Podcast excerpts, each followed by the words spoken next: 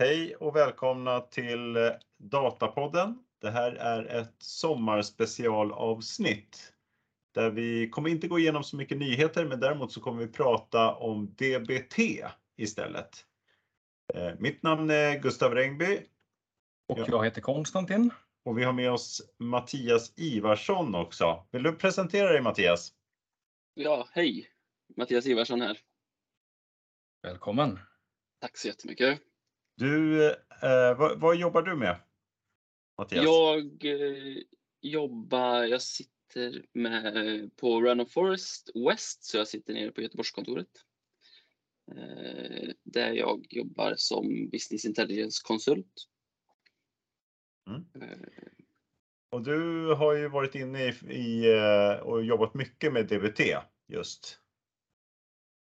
Ja precis. Innan jag eh, började min resa på Run Forest så satt jag på ett bolag där vi har kört DBT eh, i vårt datalager de senaste eh, tre, fyra åren skulle jag säga. Ja, toppen, så då har du lite erfarenheter att, att berätta här om. Så det är väl bara att du kör igång. Du har förberett en liten introduktion va? Ja, absolut. Och vill, du, vill du starta? Yes, vi kör helt enkelt. Eh, ja, vad är DBT då? Eh, DBT är ett så kallat transformeringsverktyg eh, som det grundades i 2016 så att det är relativt nytt fast ändå har några år på nacken nu och har blivit lite etablerat. Eh, för, nu, för närvarande så är det ungefär 9000 företag som använder DBT i både, de har både en eh, open source-del och en Enterprise-del. Eh, så att eh, det är liksom, det börjar flyga ordentligt de senaste åren. Eh, de själva marknadsför sig som att de är liksom T1 e, i ELT eller ETL. Alltså liksom själva transformeringen kan säga att DBT står för Data Build Tool. Som, som jag sa sköter själva transformeringen av din data. Eh, det DBT inte gör är ju varken extrahera eller ladda data. Så du behöver ha ett komplementerande verktyg till detta eh, som står för själva exekveringen och krämen så att säga eh, vanliga fall så har DBT, de har några partnerskap tillsammans med Snowflake och eh, BigQuery för, som exempel. Som, är väldigt, eh, som de själva menar på är väldigt bra att använda. Eh, annars är DBT ett väldigt flexibelt verktyg. Eh, man kan skapa ett helt datalager eh, med extremt många modeller. Man kan även vara lite mer spetsig och bara skapa små analytiska delar. Eh, DBT skrivs i enbart kod. Så du får inget gränssnitt att jobba i utan det är kod som gäller. Eh, och sammanfattningsvis kan man säga att DBT är en hierarki av eh, flera SQL-queries. Eh, och de här SQL-queriesen då liksom materialiseras som antingen tabeller eller vyer i, din, i ditt datalager. DBT har två stycken kärnprodukter som de marknadsför för. De har eh, DBT Cloud, vilket är Enterprise-produkten. Eh, som kommer med, eh, den kostar en liten peng. Eh, de har en liten eh, utvecklingsprissättning eh, där det är till ett mindre utvecklingsteam på runt 50 dollar per utvecklare. Och sedan har de ju en, även en Enterprise-del som är mer förhandlingsbar och ser vad den kostar. Eh, den här DBT Cloud-delen eh, kan eh, bara anslutas till ett fåtal molntjänster som exempelvis som jag nämnde Snowflake och BigQuery men även Databricks och Postgres. När man använder sig av DBT Cloud så medkommer ett DBT IDE, ett Integrated Developer Environment. I det så kan man köra sin kod, man kan testa sin kod, man kan även versionshantera sin kod. Ehm, det ingår även lite schemaläggnings och orkestreringsdelar. Ehm, du får en dokumentation, en dokumentationssajt ska sägas, ehm, som du kan använda som är väldigt enkel och eh, visa upp för både internt och externt. Den andra produkten blir då från DBT Cloud är den andra produkten DBT Core.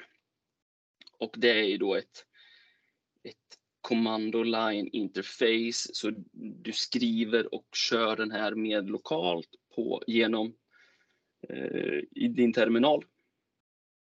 Eh, det här är open source-delen eh, och eh, den fungerar eh, på samma molntjänster som DBT Cloud gör. Men det finns lite fler ehm, eh, så att säga, connectors där man kan använda DBT Core på. Eh, det är ju då DBT-communityt själva som har skapat eh, x antal adaptrar så att man kan ansluta sin DBT-projekt eh, till eh, andra delar eh, där exempelvis SQL Server, Azure SQL och Azure Synapse är några exempel som då communityt har skapats eh, adaptrar så att man kan köra på dessa eh, verktyg också. Eh, som jag sa så är det ett terminalbaserat verktyg i, när man kör DBT Core. Så du kör din kod, du testar din kod, du kan deploya din kod. Allt det görs genom i din terminal. Eh, det som du också tappar genom att köra open source-delen är eh, det finns ingen schemaläggningsfunktion. Eh, däremot så finns dokumentationen som fungerar på samma sätt. Men eh, schemaläggningen behöver då göras med ett kompletterande verktyg på ett eller annat sätt.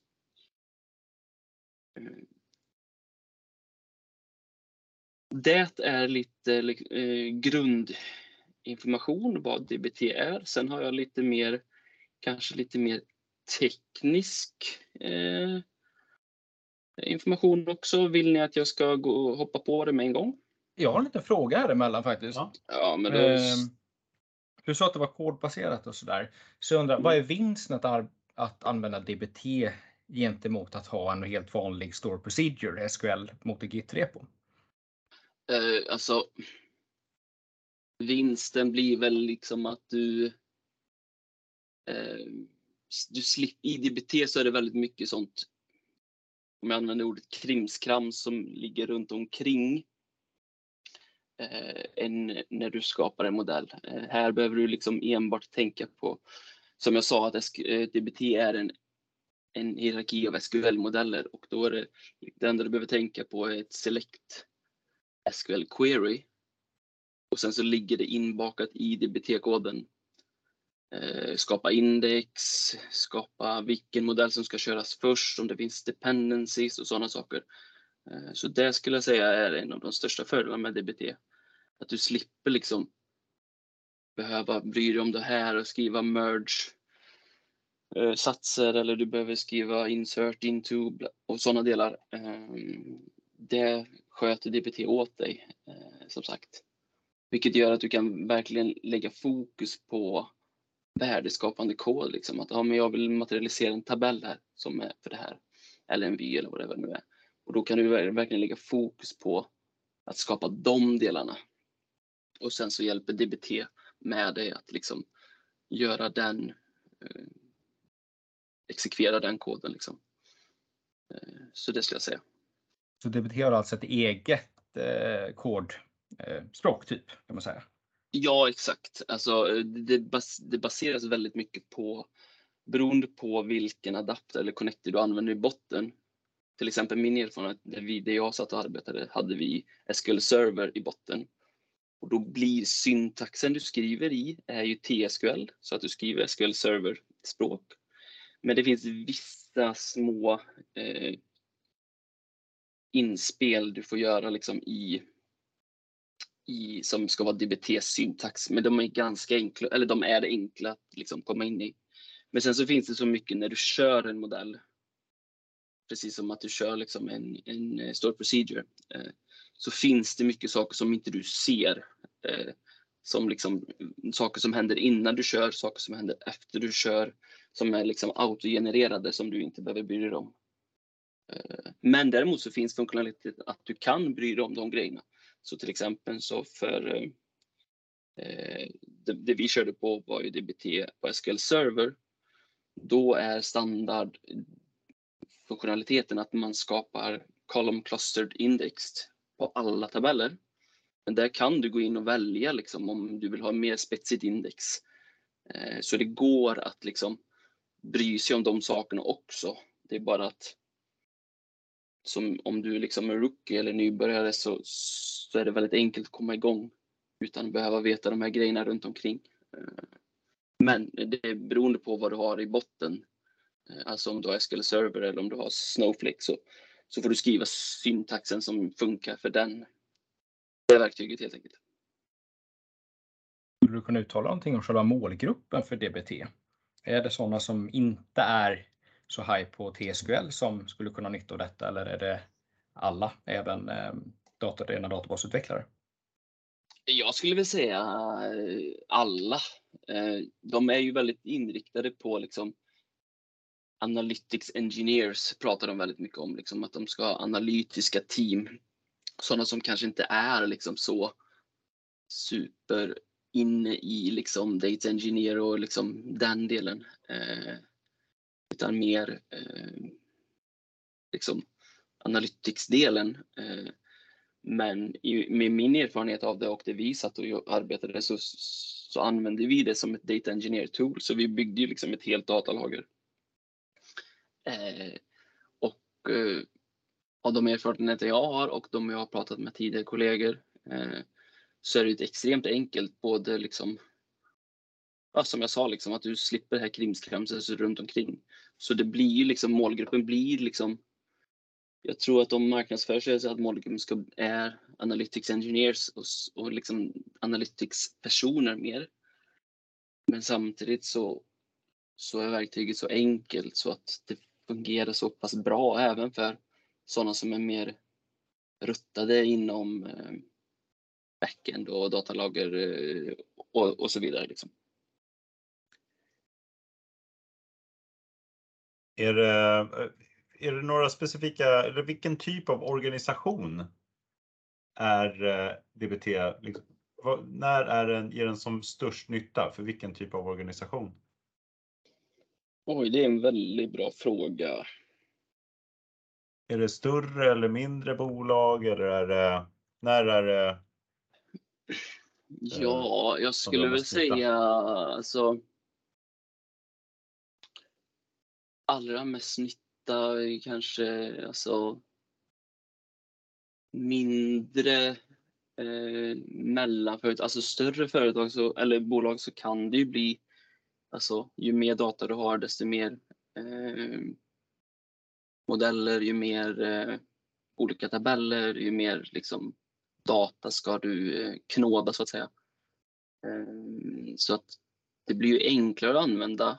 Eh, men samtidigt så gäller det för alla andra liknande verktyg också. Eh, så att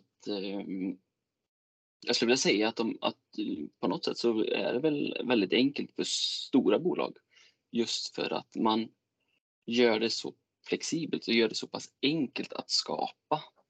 Mm. Eh, alla kommer hitta och se, det ser likadant ut överallt. Och... Precis, eh, så att det är, och det är väldigt bra för liksom kanske så säga, lite, lite omogna bolag. Sådana som kanske inte varit inne i bygga datalager jättelänge. Eh, som kanske har liksom den teoretiska delen gällande Eh, datamodellering och sånt, men kanske inte har den tekniska delen. Eh, då är DBT eh, exceptionellt bra för att du behöver, det enda du behöver egentligen är att okej, okay, du förstår datamodellering, teorier och så vidare. Och sen så det enda du behöver är liksom kunna skriva SQL queries. Så har du ju, som min bakgrund var att jag jobbade mer som en rapportmänniska att sitta i fronten och ta ut SQL queries. Så att där hade jag lite bakgrund. Men men jag hade ingen bakgrund inom att bygga datalager och liksom datamodellering och sånt. Eh, men ändå så kunde jag näst, mer eller mindre sätta igång dag ett och skapa saker i det datalagret, för vi byggde det från Mm. scratch då. Så att det är väldigt liksom användarvänligt och enkelt att starta eh, med, skulle jag säga. Eh, Ja. ja. Eh, hur, eh, eh, jag tänkte innan vi går in på teknik, det är ju lite, man vill ju höra lite mer det här grundläggande. Jag vet ju, du har ju kört eh, en sån här demo också internt Mattias. Absolut. Där man visar det här verktyget och det ser ju väldigt enkelt ut att jobba med och det, det är liksom som du gör de här datasetsen liksom med bara en SQL-kod och sen så kan du ha liksom flera dataset som bygger på en tidigare SQL-kod och så vidare och den kommer liksom fatta det sen när den eh, deployar allting. Ja, absolut. Och det är ju liksom en av de absolut största fördelarna med det. Att om du följer då den här eh, DBT-syntaxen eh, som är liksom du bara skriver på ett speciellt sätt när du refererar. Så i vanliga SQL så skriver du select och så skriver du from och så anger du en tabell. Men i DBT så istället för att du anger en tabell så refererar du till en tabell. Ehm, och när du skriver den med din DBT-kod så kommer alla de referenserna kommer liksom DBT kunna plocka upp och lägga in i allting fastnar i en JSON-fil. Eh, Och det är den här JSON-filen som är liksom hela grunden till att, att bygga upp dokumentationen, att, eh, att skapa liksom din körordning av modeller. Att du säger okej, den hittar liksom, okej okej de modellerna har de här dependencierna och då vet jag att okej, de här modellerna måste köras före dem. Ehm, vilket gör det liksom väldigt enkelt. Jag kan liksom ha eh, Ja, på mitt, eh, ja men det tidigare jobbet så hade vi upp mot 800 modeller. Där man egentligen bara kan skriva en liten grej och skriva dbt run. Och så kör, så räknar dbt ut helt själv vilken ordning allt ska köras i för att det ska liksom fungera. Eh, eh och det är ju väldigt användarvänligt och skönt att liksom slippa veta det. Okej, jag måste köra den före den. Utan det är liksom Kan man köra då, Mattias, kan man köra då liksom till exempel en specifik tabell? Jag vill ha kund laddad. Absolut. Eller, men också en gruppering liksom. Precis. Du kan köra en gruppering, du kan köra en tabell. Eh, Det finns ju väldigt mycket sätt att gruppera modeller. Du kan använda, du kan tagga upp modeller. Eh, du kan lägga dem i specifika mappar. Det finns väldigt mycket, men du kan grupperingar, eh, modell. Du kan till exempel köra om vi säger att du har gått in och ändrat en modell och du vill att det ska liksom slå hela vägen ut i kedjan. Så skriver man bara den modellen och sen ett plustecken så kommer DBT hitta hela kedjan och så kommer den köra alla de modeller som är påverkade av den första modellen som du har gjort en ändring i. Eh, så det är väldigt, väldigt enkelt att få igenom dina ändringar liksom. Vad har jag för eh, eh, möjlighet att, eh, att köra realtidsdata då? Och big data, hur, hur funkar DBT då? Alltså då DBT egentligen är ju så här, alltså transformeringen så s- beror det liksom lite på dels hur du skriver din kod såklart, men DBT är ju bara ett transformeringsverktyg. Det är inte de som exekverar eller någonting. Mm. Eh, Så det beror ju liksom på lite vad du har i botten. Ja, Eh, Skulle jag satt... men man kan DBT säga att DBT är... Ja, förlåt Mattias. Jag ska säga att DBT är varken bra eller dåligt på det. eh, Ja. Utan allt beror på. Men själva DBT är väl lite grann skapat för, för liksom batch, batchkörningar ändå, eller? Ja, absolut. Skulle jag säga. Att eh, man, I sådana fall får man hantera liksom om man har events eller något sånt där, då får man göra det i lagret under liksom för att hantera sådana bitar. Mm, antar jag. Då. Precis. Ja. ja men toppen. Eh, Ja men eh, du, Mattias, du, hade, du kunde gå ännu djupare. Ska vi våga oss på det? Kommer vi förstå någonting Mattias? Ja, eller? men jag ska väl försöka göra mitt bästa. Ja. Eh, vi har redan liksom touchat några saker eh, Mm. gällande det här med DBT syntax, att man skriver på ett speciellt sätt. Eh, och det är som jag sa tidigare då att det är det som jag gör liksom. Håller du dig till DBT syntaxen eh, så skapas JSON-filen som är grunden till ditt projekt rätt och då liksom du, du får så mycket gratis med det. Eh, Så det är eh, väldigt mycket kretsar kring det och det är väl egentligen det som gör att det är så bra. eh, Skulle jag säga. Och du får väl ut en bra så lineage-rapport också va? Sen, alltså, du får Exakt, inte JSON ja. men du kan också få det i någon grafisk eh, så att du kan se. Precis. Precis. Eh, Det finns Ehm, du kan få det i din dokumentationssajt så ingår det en liten sån grafisk del ehm, där man kan du kan söka på vilken modell du vill ehm, och sen så kan du klicka upp den och få en, en grafik på det och sen så kan du liksom eh, skriva om du skriver modellens namn och sen ett plus så kan du se liksom hur hela grafiskt vilka modeller som den rör framåt i kedjan. Eh, du kan se liksom okej om du ska gå in och ändra i en tabell. Mm. Så kan du lätt gå in och se okej vad är- finns det för tabeller innan och vad finns det för tabeller efter i kedjan som potentiellt kan påverka det här. Eh, Så det är väldigt användbart. eh, Det är verktyget. Eller den dokumentationen.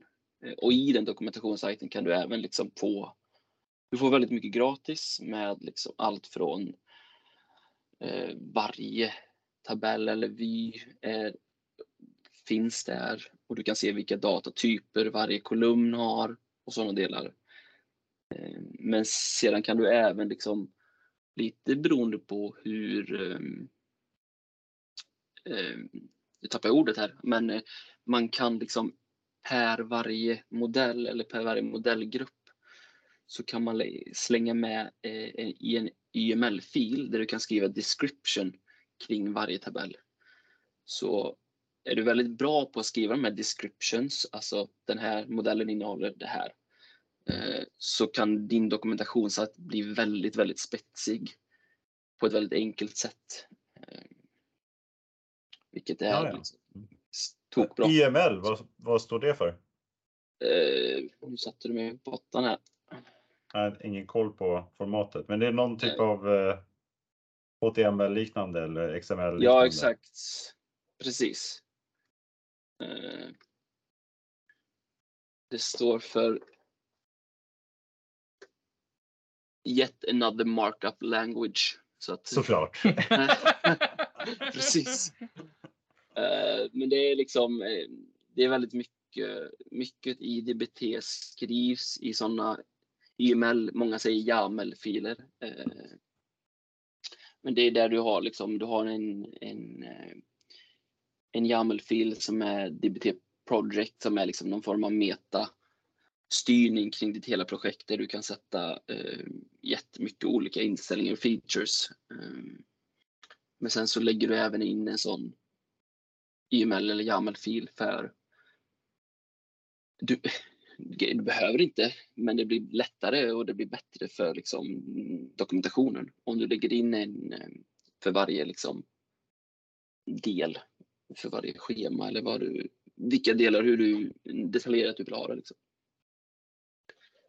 Om man tittar på vad, vad är inte DBT? Du, du behöver fortfarande, om du ska liksom, ha, bygga en analysplattform så måste du ha extrahering. Mm, Det ingår inte i DBT. Nej. Eh, Du kan, och eh, även att du måste orkestrera liksom dina pipelines då, från extrahering in till laddning och sådär. Det också måste någon annan göra liksom. Eh, Om du inte har DBT Cloud så kan du köra orkestrering. Ja. Men inte själva extraheringsdelen. Så om du, ska liksom, om du har x antal produktionssystem eller andra datakällor som du ska liksom kasta in i din, Ja. din blob eller i din, eh, din landarea. Eh, Ja. Så all data måste finnas på ett ställe. Eh, Men- Ja. så- transformeringen gör den och när du väl har gjort transformeringen så finns det liksom att den kan automatiskt också eh, göra update insert, liksom att den kan mergea in ny data in i en datamodell va? Precis, alltså väldigt mycket i DBT är ju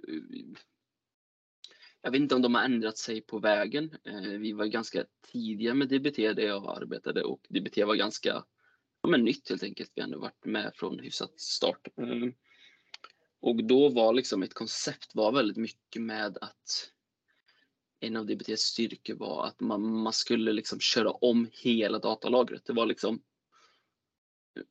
det, man, det var det som var tanken mycket. Eh, mm. Att man inte skulle hålla på med update och inserts. Eh, och det, men det funkar inte för alla delar utan ibland så vill man ju verkligen ha det. Eh, men ja. ins, alltså så här, de har två materialiseringar skulle jag säga som är liksom de mesta. Ehm, alltså att man antingen så kör man inkrementellt och då är det bara en insert, insert liksom. Eh, eller så kör man en full refresh som det heter och då droppas tabellen eller vyn och så skapas upp på nytt. Så att de har ingen update. Mm. Däremot så har de ett tilläggs, en tilläggsfeature som heter DBT Snapshot där man då kan skapa snapshots av din data eh, och uh, köra lite mer. Där har de liksom mer en update-funktion uh, om du vill historisera din data och sånt som är väldigt användbart. Där man bara då märker upp vilken tabell du ska historisera, vilka kolumner du vill historisera och vilket värde den ska liksom, vad är den nyckeln du ska kika på liksom. Så det är ett tilläggs jag vet inte vad man säger, men en feature som, som ingår i DBT eh, som heter DBT Snapshot som är väldigt bra och väldigt ah, okay. enkel att använda. Finns det några specifika eh, såna här eh, funktionaliteter för att stödja några, någon special datamodellering också? Säg att man har bestämt sig för att köra Data Vault eller Kimball modeller eller något liknande. Finns det specifika liksom, möjligheter för de typerna av eh, modellering? Eh, skulle väl säga både ja och nej. Det finns väl liksom, eller nej kanske svar på din fråga. Alltså, det finns inget specifikt för det liksom. Eh, men samtidigt så eh, finns det ju liksom att man kan skriva i hela DBT är ju liksom, det är flexibelt och det finns en, alltså man kan skriva i Jinja-kod som är en, ett programmeringsspråk. Är det yet kan du... another? Nej, Exakt. det var inte så. Nej. Jinja? Nej, Jinja heter det. Ja, okej. Okay. Eh, ganska smålikt Python. Eh, ja, med, eh, och i det, alltså, så här, du, du, du, kan skriva liksom dina egna, alltså man kallar det makron, du kan skriva dina egna liksom funktionaliteter där i. Som du då, och då kanske du kanske, det kanske inte finns något specificerat för DataVolt just nu. Men du som utvecklare, om du kan de här grejerna, eh, kan du skriva sådana saker i Jinja och sen addera till ditt projekt. Eh, exempelvis så gjorde min kollega det, i, när vi pratade om DBT Snapshot, så tyckte kollegan att eh, DBT Snapshot hade väldigt bra funktionalitet, men den saknade någon funktionalitet. Så då liksom skrev han ett eget DBT Snapshot med hjälp av den här DBT Ninja-koden. Eller DBT Jinja-koden. Mm. Eh, och den är ju liksom, den kan ju typ mer eller mindre göra vad som helst. Men ja, som sagt, det krävs ju lite eh, bakgrund inom det. Ja. Men, men, ja, men för att svara på din fråga så det finns inget specifikt eh, som jag vet. Nej, men man kan ju lösa, man kan man lösa kan det lösa. bra med DBT. Precis. Ja. Men det, data governance-biten, det finns bra stöd för data lineage, man får ju ordning på alla data. Men man har väl ingen sån här uh, master data-hantering? Va? Det får man lösa med andra verktyg. Ja, eh, det skulle jag säga. De har ett, kanske säga ett försök till det. Det finns något som heter en funktionalitet som heter DBT Seeds. Ah, okay som egentligen är att du har liksom alltså du har CSV-filer ehm, som du då kan när du kör en vanlig modell så skriver du dbt run och så modellens namn eller grupp. Eh, men du kan då också exekvera x antal eh, CSV-filer och så skriver man då dbt seed istället. Och då läses de här CSV-filerna in som en, materialiseras som en tabell i din, i din eh, mm. databas. Så, så, att vi använder dbt seed som lite masterdata i början. Men skulle väl inte rekommendera det på grund av att CSV-filer kan vara lite så. Det är alltid krångligt med komma och semikolon och allt det där. Ehm, så att vi använder oss av eh, en eget masterdator. Ett annat. Lite, lite styrtabeller och lite sånt där. Lite styrkommandon kan man köra in i CSV och då har man bra ja. stöd liksom för att göra det enkelt. Exakt. Men, eh, men ingen sån här, det är ingen eh, full, full lösning. Nej, för det blir väldigt mycket jobb med CSV och det är ju, är ju kanske inte det enklaste att hålla på och ändra i och, och, ja. och så vidare. Liksom. Så att jag skulle inte rekommendera det. Men du sa 9000 eh, kunder hade de? 9000 företag använder DBT idag. Ja. Det och, går väl stadigt uppåt. Och det är väl, eh, det finns en hel del i Sverige också? Vi, mm. vi har väl eh, lite ryktesvägen så vet vi att det finns en del större bolag i Sverige som kör DBT på lite olika ställen. Och ofta i ko kombination med Snowflake va? Ja exakt. Det är ju eh, en, de har väl någon form av partnerskap eller något liknande. Jag vet inte exakt vad man ska definiera det som men eh, det är ju liksom, jag tror väl både Snowflake och DBT båda liksom försöker väl pusha upp varandra, vad jag fattat det som. Ja, och, men, eh, men, du har ju kört, du har ju erfarenhet av Microsoft också, så du har ju kört i den miljön snarare va? Exakt, ja. Mm. Jag har eh, tyvärr inte testat på Snowflake-delen utan vi körde på SQL Server. Ja. Så att eh, Ja. Men det funkar ju bra också men ja. Och sen självklart ovanför där, DBT löser ju ingenting kring rapportering, visualisering och de bitarna, utan Nej. där har man ju sina andra verktyg. Precis. Så och så behöver du en databas också förstås. Ja, exakt. Ja.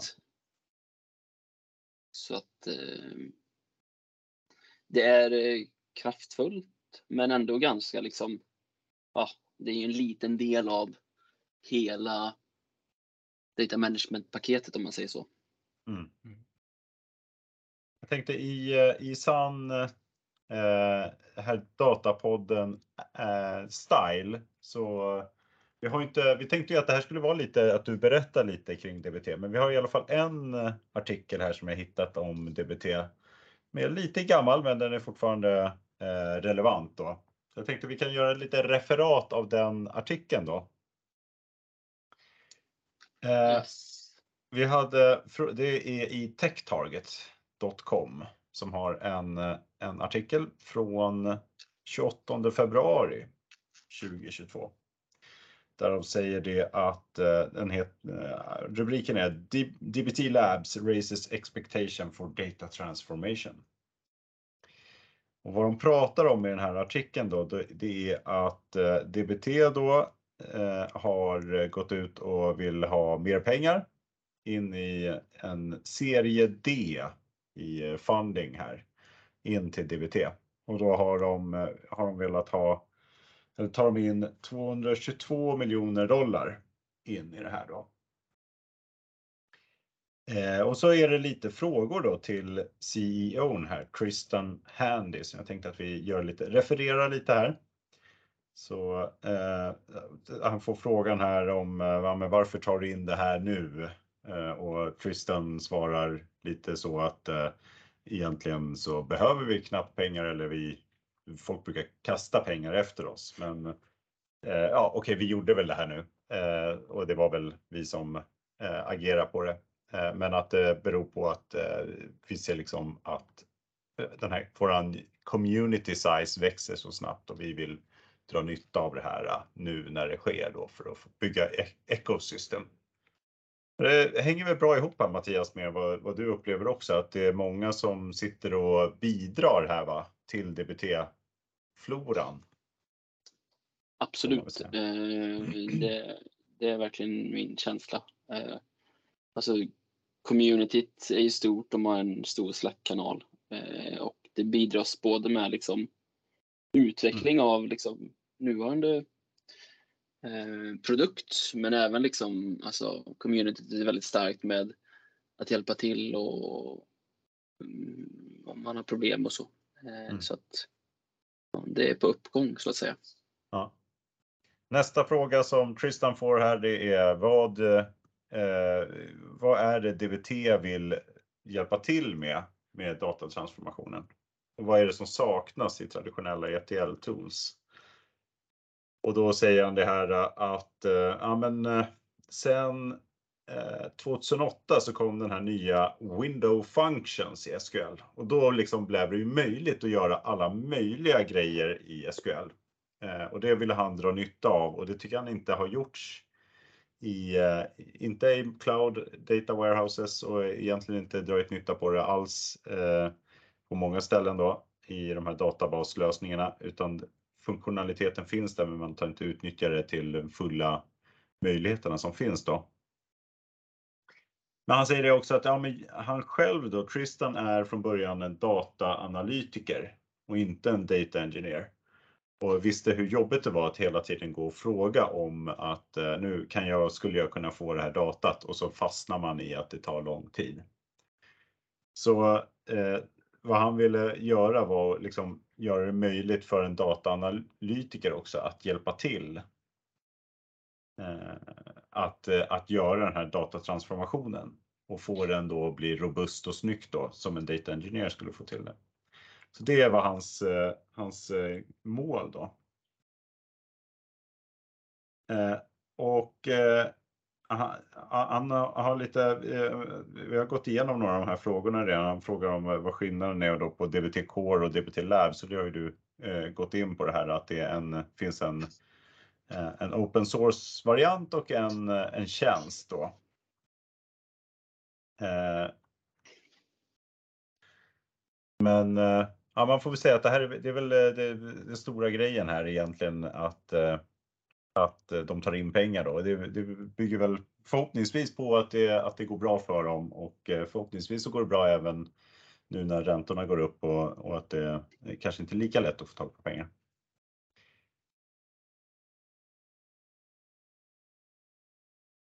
Jag skulle, ja. jag skulle nästan flika in. Jag var så nyfiken på, jag är alltid nyfiken i podden ja. här. Ja. eh, Ginja Ja. Vi undrar ju vad det var för någonting. Jag frågade professor Google här. Mm. Och det kommer tydligen av eh, två folkslag eh, som lever på varsin sida av Nilen. Och på båda språken så betyder jinja rock. Eller sten helt ja. enkelt. All right. ja, nu kan vi gå vidare med livet. Ja. ja, men jag tror att eh, eh vi är nog uppe i ett eh, fullt avsnitt. Det blir, eh, blir för matigt om vi går vidare här. Jag vet att du Mattias sitter på hur mycket information som helst. Men om man skulle Absolut. sammanfatta här lite, vad är de, några sista ord här innan vi avslutar? Är det någonting eh, eh som, som vi bör säga innan vi avslutar? Bör säga, jag vet inte, men eh, jag skulle väl skicka med liksom att folk eh, borde gå in och testa. Eh, I och med att det är gratis så kan man gå in och testa det. Man kan, om man bara har en liten, en liten del av sitt nuvarande datalager så kan man liksom eh, skapa eh, den lilla delen med hjälp av det här eh, och, eh, och inte vara rädda. Jag vet att det är ju bara kod. Jag vet inte om det kan skrämma vissa, men det är eh, att, att säga att det är bara kod kanske kan vara lite så oh shit, är det bara kod? Men det, i och med att det bara är SQL queries så är det ju bara enkel kod, kanske jag ska tillägga. Eh, så att jag tycker folk ska bara in och testa det och se liksom, för att det kommer öppna, öppna väldigt mycket möjligheter. Eh, och häng med på tåget så att säga. Mm. Och det är inte bara om man kör Snowflake eller BigQuery. Jag kan köra om jag har en SQL-lösning eller funkar det Redshift mm. också? Redshift funkar. AVS-lösningarna. Mm. Mm. Ja men toppen. Tack så jättemycket Mattias för att du ställde upp på det här. Ja, tack själva. Kul att vara med. Tack. Mycket bra genomgång här av, eh, av DBT. Och eh, man lär sig nya saker eh, varje gång man hör om det här. Yes. Tack så jättemycket. Då Tack så säger vi hej då för idag. Det gör vi. Hej då. Hej då! Vakna klockan fem, det är mörkt nu igen Som om idag